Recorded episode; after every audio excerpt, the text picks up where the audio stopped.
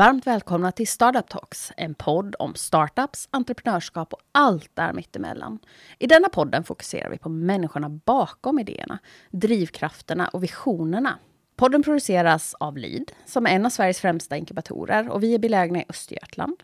Och är man lite mer nyfiken på vilka vi är och vad vi gör och varför vi gör det vi gör så rekommenderar vi att man lyssnar på avsnitt 0 för att få en lite mer känsla om vilka LID är och vad vi gör och varför vi gör det vi gör. Vi som spelar in podden heter Emma och Martina. Vi båda arbetar på Lead och har stor respekt för alla de entreprenörer som vi får chansen att hänga med. Och för bakom bolagsbyggande ligger mod, svett och kanske även lite tårar. Och i podden så får vi chansen att lära känna dessa entreprenörer lite extra. Och idag har vi med oss Anna Erkstam i studion. Anna är vd på medtechbolaget Bioreperia. Varmt välkommen Anna! Stort tack! Ha? Jättekul att vara här. Ja, kul att du är här. Berätta lite mer, vem är Anna? Oj, vem är jag? Eh, jag är en 39-årig eh, eh, bleking Mm. Eh, som, är, eh, som lever nu i Östergötland sedan nästan 20 år tillbaka. Hur hamnade du här? Ja.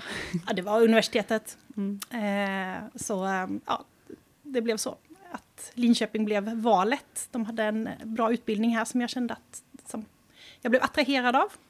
Så då flyttade jag hit som glad 20-åring mm. och träffade min man efter ett par år och blev kvar här. Mm. Vi tog ett aktivt beslut att stanna vi trivs jättebra här i Östergötland. Så mm. det känns jättehärligt att vara här. Eh, och vi har två små barn, eh, en snart nioåring och en tvååring. Eh, så det är fullt ös hemma. Mm. Eh, så det, man får lite perspektiv på tillvaron. Mm. Och kanske lite fullt ös även på jobbet. Kan du inte berätta lite? För jag tror att lyssnarna funderar på, vad gör Bioriperia? Eh, jo, i Bioriperia så har vi utvecklat en modell eh, där vi kan hjälpa läkare att eh, ta reda på vilket cancerläkemedel som passar till varje enskild cancerpatient. Eh, så vi har då vår modell som utvecklats på Lidköpings universitet eh, som vi i Bioriperia har kommersialiserat. Eh, så bolaget bildade 2015 och sen dess så har vi jobbat med att få ut den här produkten på marknaden helt enkelt. Mm. Och hur funkar det? När läkaren sitter där, liksom bara kort. Mm. Hur? Ja men precis. Ja, men idag så, så är det så att läkaren sitter ju och har en patient framför sig. Mm. Eh, och läkaren och sjukvården idag har ett, en stor utmaning i att försöka förstå ja, men hur svarar olika patienter på, på läkemedel. För precis som vi är som personer, eh, man har olika förutsättningar att svara på träning, på olika saker vi äter och likadant är det med mediciner. Mm. Och idag finns det inga bra metoder för att koppla patient till medicin. Eh, och där kan vi komma in och hjälpa läkaren i det beslutet. Eh, så vad som händer då är att läkaren skickar en liten biopsi från tumören till oss och vi utför testet eh, och på en vecka så får läkaren ett, bes ett beslutsunderlag helt enkelt på hur svarar den här patienten på de här olika läkemedlen som vi har testat. Mm. Så lite kortfattat. Så. Mm. Häftigt ja, ändå. Och det otroligt. minskar lidande för, eller längden på behandling. Ja men oerhört. Mm. Eh, idag så har man ju sett att två av tre cancerpatienter svarar inte på den behandlingen som ges. Och kan man sätta in rätt behandling med en gång så ökar överlevnaden för cancerpatienter med 50 procent. Eh, så man kan, det finns ett jättestort behov och en jättestor vinst i att väldigt tidigt kunna avgöra vilken medicin som är mest effektiv. Eh, så att eh, ja, det, det, ju, det, finns ju ett jättestort behov, naturligtvis precis som du säger också, att minska lidandet för patienten när man slipper genomgå flera behandlingar som mm. inte funkar. Ni vet själva, mm. ni känner säkert folk som har cancer, mm. man tappar håret. Det är ganska tuffa behandlingar. Mm. Och kan man då, vet man då att ja, men den behandlingen jag får, det är den rätta behandlingen, då blir det ju ett betydligt kortare förlopp och att patienten snabbare kan bli frisk från sin sjukdom och börja jobba igen eller vad det nu kan vara. Mm. Så himla häftigt. Mm. Kan du inte berätta lite, hur har din väg till det här sett ut? Liksom? Eller hur hamnade du på Bioriperia och att få jobba med det här? Ja, precis. Eh, men jag har eh, disputerat här i Linköping. Eh, och under min utbildning så hade jag ett samarbete med en av de som då sedermera blev grundare av Bioripedia. Eh, så när jag började bli färdig med min avhandling och skulle ut och leta jobb så, så kom Anna, som hon också då heter, till mm. mig eh, och frågade om jag skulle vara intresserad av att testa på hur det är att jobba i ett, ett startupbolag. Eh, och, Hur gick dina Ja, tankar då? precis vad jag tänkte. Vad var din första, första svar? Eh, Liksom? ja, men, eh, jag är en sån här person som liksom, oj men det låter roligt, ja men det är absolut kul. Eh, och också en stor del av det var ju att det samarbetet jag och Anna hade haft sedan tidigare hade varit väldigt bra. Eh, vi trivs väldigt bra att jobba ihop, så att det var liksom också en, en dragkraft att, att jobba tillsammans med Anna igen. Eh, men eh, ska jag vara helt ärlig så jag hade ingen aning om vad startup var. Det var första gången jag hörde det ordet någonsin. Eh, så att det blev lite så här, ja visst, det låter väl kul. och sen så bara, jaha, nu, sju år senare, det var det det betydde. Och vad betydde det då för Ja. dig? ja, men idag eh, så att, att det är ett extremt speciellt arbete att jobba i ett startup. Eh, det är ett fantastiskt roligt arbete. Eh, jag tycker det är jättekul att gå till jobbet. Eh, men har man... Jag tror inte man kan riktigt förstå det innan man har varit där. Eh, det här att, ja, men, så från början, jag var ju ensam i bolaget. Eh, och det är ju liksom allt ifrån att man ska göra, liksom, driva affärsutvecklingen, man ska sälja till liksom, ja men vi behöver fixa ett wifi till vårt kontor. Liksom. Hur kopplar jag ihop sladdarna till det? Hur installerar jag Microsoft och administrerar dem? Alltså det är så mycket saker som, är, som man behöver lära sig och man behöver ha ett speciellt mindset för det. Eh, och vara beredd på det när man kommer in i ett startup som ja, men, eh, ja, att man både, både driva startup men också komma in som anställd. Liksom att det man kan få en, en arbetsbeskrivning men, men det är det lilla egentligen. Det är, det är mindsetet som, som är det här liksom att okej, ingenting är omöjligt och eh, jag har inte provat det här så då kan jag det säkert. Lite Pippi Långstrump. Precis, precis. Eh, men om man ser till, idag är du vd på Bioreperia. Ja, precis. Hur är, hur, hur är det från att gå från din dåvarande roll och vara ja, men ansvarig? Liksom, för? Ja, men det, det blir ju ett, ett annat formellt ansvar när man går in som vd. Eh, Jag har jobbat länge som, eller den största delen i Bioreperia har jag varit operativt ansvarig. Eh, Sätta upp de olika processerna i bolaget, se till att allting flyter på som det ska. Koppla ihop, liksom som vårt labb då med eh, sälj och affärsutveckling och så. Liksom. Men, men som, som vd så sitter man ju på ansvaret verkligen för att driva bolaget framåt och hela tiden titta, ja men, vad händer om ett år, om tre år, om fem år, om tio år? Eh, samtidigt som man ska bolla den operativa vardagen. Eh, så det är väl liksom den största eh, det, det ansvaret man har som, som, som vd och även eh, faktiskt arbetsgivaransvaret eh, som, som man hela tiden får lära sig. För man har ju också människor runt omkring sig som förutsätter att man faktiskt kan en del saker som man kanske faktiskt inte kan. Hur många anställda är ni på Bioreperia? Vi är sex stycken idag. Och ni har kontor var vid Ebbe Park. Ja men precis, precis. Hur är det att ha... Nu är det ju några år sedan ni lämnade LID och liksom är alumner så kallade. Men hur var flytten, just som du nämnde nu, att man ska fixa då wifi och allting. Men hur är flytten från att ha, vara en del av ett innovationssystem, om man säger, till att ha ett eget kontor och stå på egna ben? Men det är ju mycket som att flytta hemifrån. Mm. Eh, när man flyttar hemifrån så man ska lära sig hur tvättmaskinen funkar och liksom, ja, men jag kanske behöver ha, fylla upp frysen och sådana här saker. Och det är lite samma sak. Vi var ju tre stycken när vi flyttade ut eh, från Lid. Eh, och det blir ju, man blir väldigt ensam också. Eh, på, I innovationsmiljön så man är ju där med alla andra småbolag, man, man kan dela erfarenheter, man har alltid någon att ta en kaffe med eller så. Men, men när man har ett eget kontor så då, då är det ju bara de som är på bolaget. Eh, så det blev ju med en stor omställning liksom, och man måste hitta nya liksom, sätt. Sen Lid finns ju alltid, liksom, de här miljöerna finns ju alltid kvar och vi liksom har ju tillgång till att träffa, träffa alla och så ändå. Men den här vardagliga dialogerna måste man lite leta själv och hitta sina, bygga nya nätverk. För på Lid och hos oss så har man ju alla en coach där man ändå får regelbunden coachning och stöd. Vem får du stöd av idag i din vd-roll?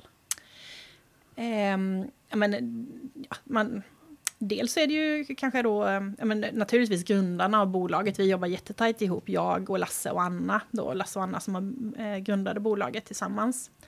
Eh, men sen också så, man får ju hitta folk i sin närhet, kanske det kan vara äg, några av delägarna. Eh, det kan vara andra coacher, att man fortsätter med leadcoacherna till exempel i andra format. Eh, och också liksom hitta sina nätverk, kanske med andra vdar. Eh, eller bara vänner som sitter på lite samma, eh, så man kan liksom bolla idéer och så. så har det varit lätt eller svårt att få stöd där? Eller har, hur funkar det?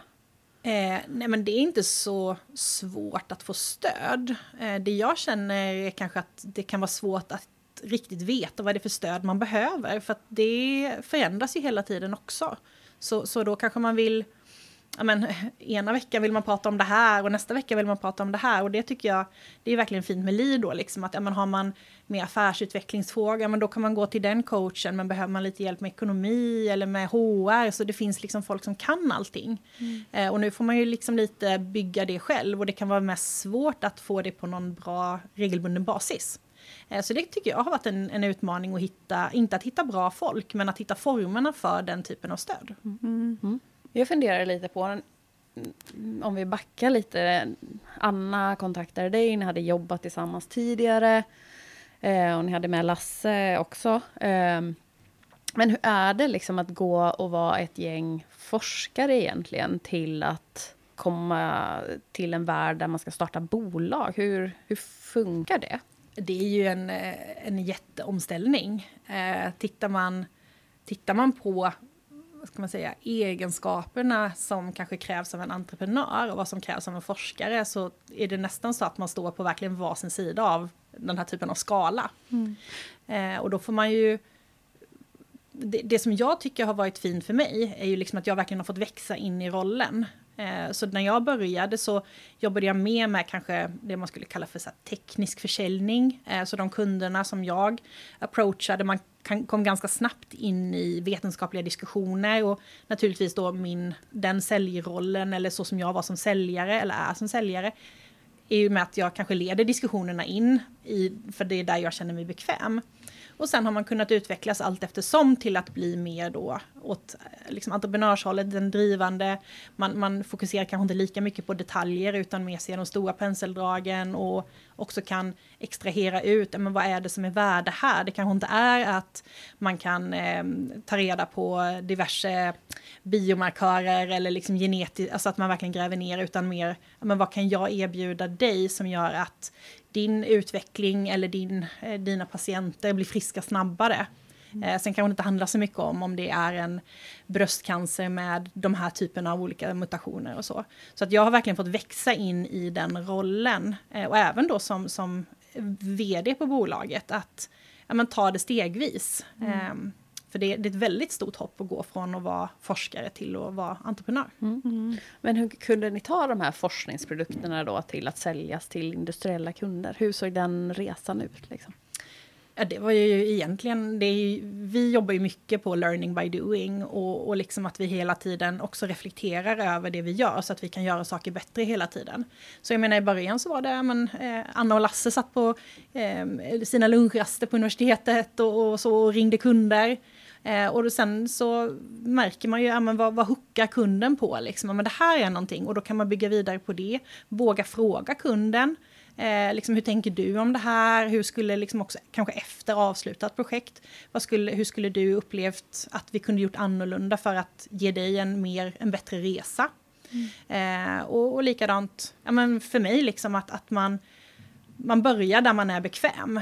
Eh, och sen så tar man in input från folk som kan. Eh, och sen så gör man det till sitt eget. För att om jag ska tvingas in i någonting så blir det aldrig, det blir inte riktigt bra, utan jag mm. måste ju vara mig själv. Mm. Eh, och, och, då så får man ju ta och adaptera, men man måste ju som, som person också ha väldigt stora öron och våga testa nya saker. Eh, mm. Eh, så man kan ju inte heller måla in sig i ett hörn och bara, nej men så här, det är så här jag är, det är så här jag funkar. Och då, mm. ja, att man är fix i det, utan man mm. måste ju våga prova nya saker med för att utvecklas själv. Mm. Hur var den omställningen för dig personligen då? Kan du längta tillbaka till forskarvärlden eller? Nej. Nej, nej det var... Nej, verkligen inte. Mm. Eh, utan det... har verkligen berikat mig som både person och liksom professionellt. Eh, att, att få den här möjligheten att göra det som jag gör, ha, den resan jag har gjort och, och där jag är idag. Mm. Eh, så jag skulle inte vilja byta det mot en, en forskarkarriär. Mm. Eh, det kan man få ändå. Mm. Eh, liksom man kan läsa avhandlingar och olika publikationer och lite grotta ner sig i saker så. Men, eh, men det känns som att har liksom växt, växt ur det mm. till en annan fas i mitt professionella liv. Mm. Trodde du att det var när du började den här, när du kastade dig ut och sa ja till den här startupresan? Trodde du att du skulle ha en forskningskarriär eller vad, vad var din inre så drivkraft då? Men, ja, men då tänkte jag nog liksom mer så att ja, men, jag kan kanske jobba som, som så labbansvarig, labbchef, produktion, lite de, de bitarna. Eh, men, och, och liksom jag kommer ihåg det när de började prata om så affärsutveckling. Det var nästan så här bara, åh gud, vad he liksom, mm. inte hemskt, men ja, det kändes lite jobbigt så. Eh, men sen när man väl är inne i det och förstår vad det faktiskt innebär, för att det är ju med att den produkten som man utvecklar är ju med, hur ska man säga, eh, alltså affärsutveckling, det är inte det är inte som att sätta sig och läsa någonting i en, i en teoribok, utan det är ju så praktiskt hela tiden. Eh, och du kan se hela tiden, ja, men då, då leder det till det här som sen kan leda till det här. Så att det blir så praktiskt när man jobbar med det också, eh, vilket jag tycker var, gjorde det lättare för mig med att komma in i det. Så ja, men det, det har verkligen varit en stegvis eh, liksom, ja, transition in i den världen. Mm. Om du skulle göra om resan som du har gjort hittills, vad hade du gjort annorlunda då?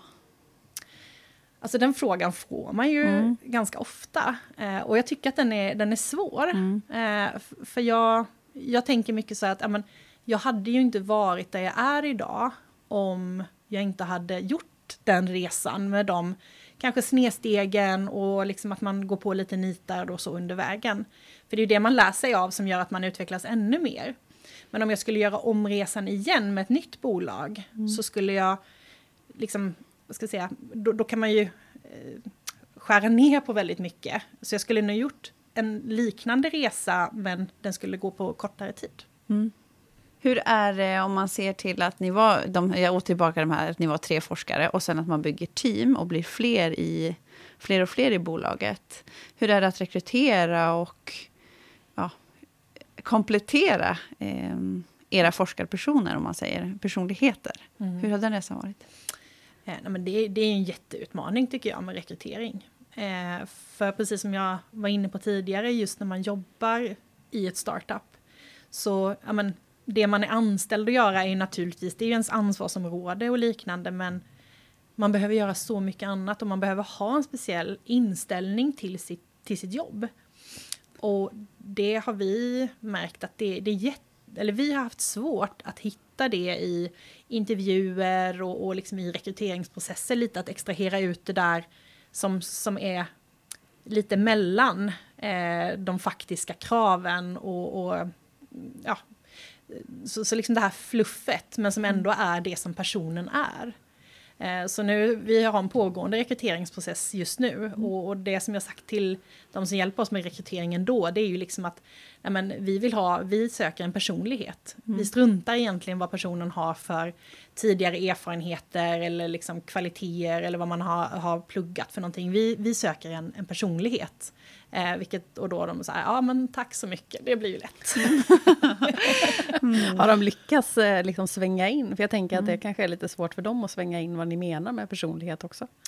Nej men där, nej det, det tycker mm. jag de har kunnat hitta väldigt mm. bra. Och det är också av anledningen att de som hjälper oss med rekryteringen idag för den här tjänsten har själva suttit i medtechbolag mm. på ja, vd-positioner eller liknande. Och förstår ju vad det är vi är ute mm. efter. Mm.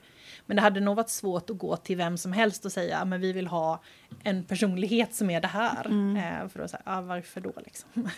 Men om man ser till rekryteringarna jag har gjort, eller kanske kompetens, vilken kompetens har gjort störst skillnad liksom, på er utveckling i bolaget? Oj. Um, Jag tänker att eh, om det var något särskilt, som liksom, att det blev ett skifte eller någonting när ni fick in någon, någon speciell i teamet. Liksom.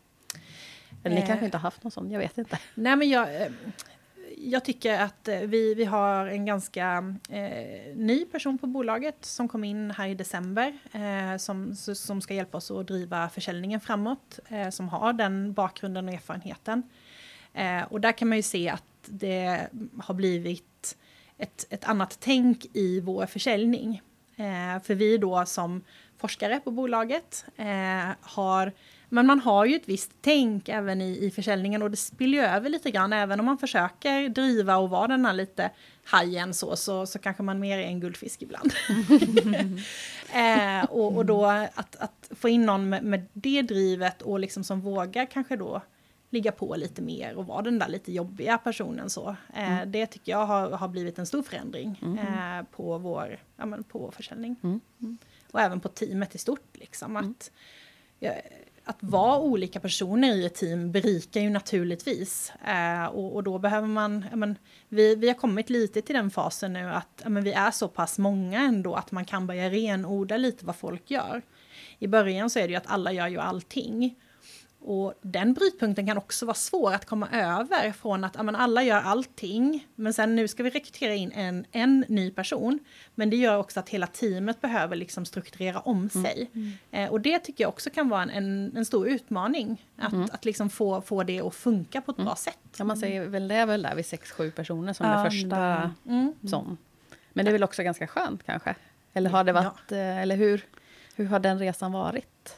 Nej men det tycker jag, alltså vi, vi är inte färdiga i den resan ännu. Eh, men det blir mycket enklare tycker jag att, att men man har lite, för alla egentligen, att man har olika ansvarsområden som man Ja, men det är lite det här med förväntningar och, och leverans på förväntningar som, som, det handlar om. Och det, kan, det blir tydligare förväntningar på de olika personerna när man också kan smalna av lite vad det är man ska göra. Mm. Eh, och då kan man också bli mer effektiv som team. Mm. På tal om utmaningar, vilka är era största utmaningar i bolaget just idag? Eh, ja, men just idag så är det ju att men det, jag tycker att liksom hela rekryteringsprocessen, att liksom hitta rätt personer till teamet eh, som kompletterar teamet och som funkar i teamet på bästa sätt. Så att det blir en bra, en bra känsla och naturligtvis en, en, en effektiv organisation. Eh, så det, det, tycker jag är en utmaning som har varit egentligen från dag ett, men som, som följer med. Sen så ser den utmaningen lite olika ut i olika faser, men det är liksom en ganska generell utmaning. Mm. Eh, och sen så, vi jobbar ju med en klinisk produkt som ska ut på en klinisk marknad. Eh, och där har man ju en, en, en stor utmaning i, det, det tar både lång tid, eh, man behöver övertyga och alla vill se data på exakt sin diagnos eller på, på exakt sina patienter och så. Eh, så, så, liksom att, att ha en, jobba med en, en sån produkt som vi gör, eh, har ju, den har ju en väldigt lång tid från utveckling till marknad. Mm. Eh, och då gäller det ju med att hitta investerare eh, som är beredda, som, som förstår den dynamiken och som också är beredda att, ja, vad ska man säga, håll, att vi kan ha deras pengar under så lång tid innan de får return of investment på det. Har det varit svårt, eller det är ju en av era utmaningar, men mm. kapital och få det, för det är ju ganska kostnadsintensivt, tänker jag, eftersom det är väldigt komplext och just som du pratar om, att det tar lång tid. Ja, precis. Um, men det är väl, jag tror att skaffa pengar är väl en utmaning för alla bolag, alla småbolag. Eh, vi har väl, jag tycker vi, vi har haft turen att få in väldigt bra eh, ägare till bolaget. Vi har eh, ägare som förstår, som, har invester som investerar i medtech och biotech, eh, vilket gör att de investerarna men, har ju de förstår den här processen och att det tar lång tid och så. Eh, sen har vi haft en utmaning i också liksom att hitta rätt ägare, för vi har ju liksom en produkt som är, används för kliniskt bruk, som vi då har utvecklat under lång tid. Och sen så har vi en produkt som vi har kunnat sälja från start. Eh, och då kan det också vara att de som kommer in ser på det här på lite olika sätt och man investerar i bolaget av olika anledningar. Vissa för att man vill ha den här kliniska Eh, man ser den kliniska potentialen och andra för den prekliniska potentialen. Och ibland, som, eller oftast, så matchar det väldigt bra. Men ibland kan det också vara att man har lite olika intressen som man behöver hantera. Mm. Mm. Hur är det att driva en startup i Östergötland? Jag tycker det är, trevligt. Mm. Nej, men, eh, ja, men dels så tycker jag att jag menar, vi just att ha varit på LID mm. eh, har gett vårt bolag väldigt, väldigt mycket. Mm. Eh, jag tycker också att, att Östergötland har ett bra alltså innovationsklimat och företagsklimat. Mm. Eh, och tittar man bara i Linköping så jag menar, det, liksom, det, blir ju lite alla känner alla. Och det kan man också dra nytta av. För att då är det så att man pratar med någon som pratar med någon annan och så, så är loopen igång. Mm. Eh, så att det är aldrig långt till att få svar på sina frågor. Mm. Sen kan ju utmaningen naturligtvis vara att, att, jag menar som för vår del, att jag menar life science i Östergötland är ju väldigt, den är inte jättevälutvecklad. Eh, men jag menar då, precis som på alla bolag, man reser ju, vi har ju mm. liksom nätverk uppe i Stockholm, mm. eh, nere i Skåne, men också ute i världen. Mm. Eh, vi har jobbat väldigt mycket mot Schweiz till exempel. Mm. Eh, så man får ju liksom hitta men var, var plocka russinen ur kakan liksom. Uh. Var, var, får jag bäst utväxling på mm. mina mm. insatser? Mm. Uh. Hur är skillnaden om man tänker Schweiz, eh, Sverige? Eh, har du något, är det några specifika skillnader som du upplever när du Ja, men eh, när vi är i Schweiz mm. så det finns ju, jag menar, där vi är oftast i Basel, mm. där huvudkontoren av två av världens största farmarbolag ligger. Eh, det är ju liksom en helt annan life science-scen. Eh, och, och liksom ett helt annat nätverkande att träffa både kunder, samarbetspartners, få råd i liksom som är väldigt specifikt för vår bransch. Mm. Eh, så det är ju liksom verkligen ja, Schweiz för, för oss. Liksom. Här, här i Östergötland, så, så, eller liksom i Sverige, så är det ju mer kring kanske lite mer generella frågor. Men hur bygger man bolag? Vad ska man tänka på? Eh, liksom titta hur andra har gjort. Liksom, för vi är, ändå, vi är ett svenskt bolag som, mm. ska, som verkar här i Sverige. Och det är liksom jätteviktigt att få den inputen också. Liksom. Så att, eh, ja, specifika life science-delar, ja, då pratar vi Schweiz. Så pratar vi mer liksom bolagsbygge och, och liknande så är det Sverige. Mm. Jag tänker, är det någonting du saknar om vi nu har några lyssnare här som kan påverka um, förutsättningarna i Östergötland, vad skulle du skicka för önskelista då? Mm. Oj, um, kanske faktiskt lite ja, men det här med, med liksom att, att just med nä, nätverkande. Uh, för nu, det blir ju att man beroende på vem man pratar med så kanske man liksom, ja, vilken bank man har, men då har de någon träff för sina och liksom är man med i någon eh, investeringsgrupper, men då kanske de har en träff för sina bolag och sådär. Liksom. Men, men, kanske de här lite, lite mer generella, liksom, att man utbyter idéer, har lite ja, men typ vd-träffar eller liknande. Så som det, där vårt bolag står idag. Så jag menar, mycket av det som Lead erbjöd, eh, det finns, eller de, de delarna har jag liksom inte riktigt identifierat efter LID. Eh, där man kan träffa kanske bolag i lite samma situation. Eh, sen så är det alltid, om man hör av sig till andra, så nej, men vi är alltid villiga att prata och, och utbyta erfarenheter och sådär. Men kanske något lite mer liksom platt, eller eh, arenor för att träffas. Mm. Eh, och utbyta erfarenheter. Mm. Ja. Om vi ska ta det till dig, Anna. Mm. Vad är det som driver dig? Alltså jag tycker ju, och där kommer ju liksom min forskningsbakgrund in, att jag, jag har alltid sedan jag var liten intresserat mig för men hur fungerar människokroppen och liksom biologi och, och hela den biten. Så, så liksom att välja väg efter gymnasiet var ganska lätt för mig. Mm. Jag visste liksom att jag ville hålla på med medicin på något sätt Eh, jag ville inte riktigt bli läkare, eh, utan jag ville göra någonting annat. Och då, liksom, att gå den här biomedicinutbildningen som jag gick var verkligen rätt för mig. Mm. Och, och, då att komma in och forska efter det var också, liksom, jag tyckte det, ja, men det har varit väldigt rätt för mig att gå den vägen. Men som forskare så, och, så ställs man ofta, som då när man kommer från den vad ska man säga, labbbakgrunden som jag gör, att du forskar på väldigt grundbiologiska frågeställningar. Men till syvende och sist, du vill ju, det här ska ju komma, jag vill ju liksom att det ska komma till gagn för någon. Det jag gör ska liksom, kan, kan jag hjälpa någon genom att göra mitt, mitt jobb? Eh, och det tycker jag liksom att, att få använda den kunskapen som jag har, har fått i det här bolaget och på det här sättet som vi gör. Där vi liksom står och pratar med läkarna, jag är med på operationerna, jag ser patienterna. Och det är så att den här personen kan jag hjälpa mm. genom att göra det jag gör. Mm. Eh, och det är ju liksom en drivkraft som är bortom allt. Liksom att, ja, men, jag står framför en person som har en dödlig sjukdom som jag kan gör, alltså jag kan få livet bättre för den här personen. Mm. Eh, det, det är liksom, ja, verkligen. Mm. Fullt Väldigt häftigt. Ja, ja men exakt. verkligen. Ja, men det, ja. det är inte så svårt att motivera sig att gå till jobbet som sagt. Nej, förstår jag. Hur motiveras det? När vill du ge upp då? Mm. Känner du ibland så nej nu? Eller har du ja. den här personen framför näthinnan då? Ja, men det, men, jag menar, det är väl... Det, det är klart att det är tufft. Eh, liksom, och i perioder att man känner att, men, vad, vad är det jag håller på med egentligen? Eh, man kanske ska resa pengar, springer på massa möten och får nej från liksom, tio personer på rad. Eh, och då liksom är det så här, men, är det ingen som tror på min idé? Var, liksom, varför ska jag tro på den då? Eh, men jag menar, vi har alla dippar och dalar, eller liksom dippar och eh, höjder. Eh, så så liksom man, får, man får leta sin, sin motivation också.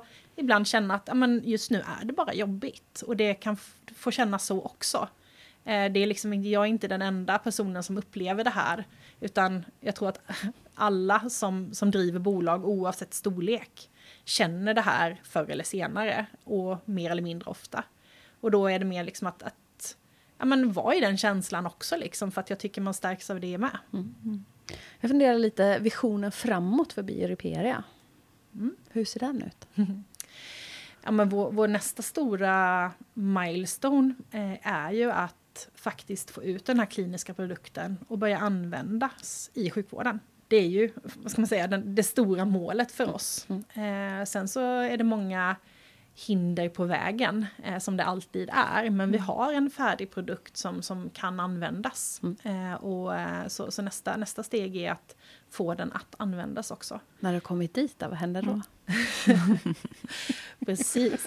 Nej men då, ehm, då blir det ju, det är ju flera steg. Så, så det handlar ju både om den europeiska marknaden men även mm. om den amerikanska marknaden. Eh, och, och liksom växa eh, på det sättet. Mm. Eh, och sen så handlar det ju också om att hitta nya, liksom vad vi tänker mycket, men hur kan vår, det, den datan vi genererar, hur kan det kopplas ihop med andra typer av modeller för att också kunna bygga bättre prediktionsmodeller fram, i framtiden.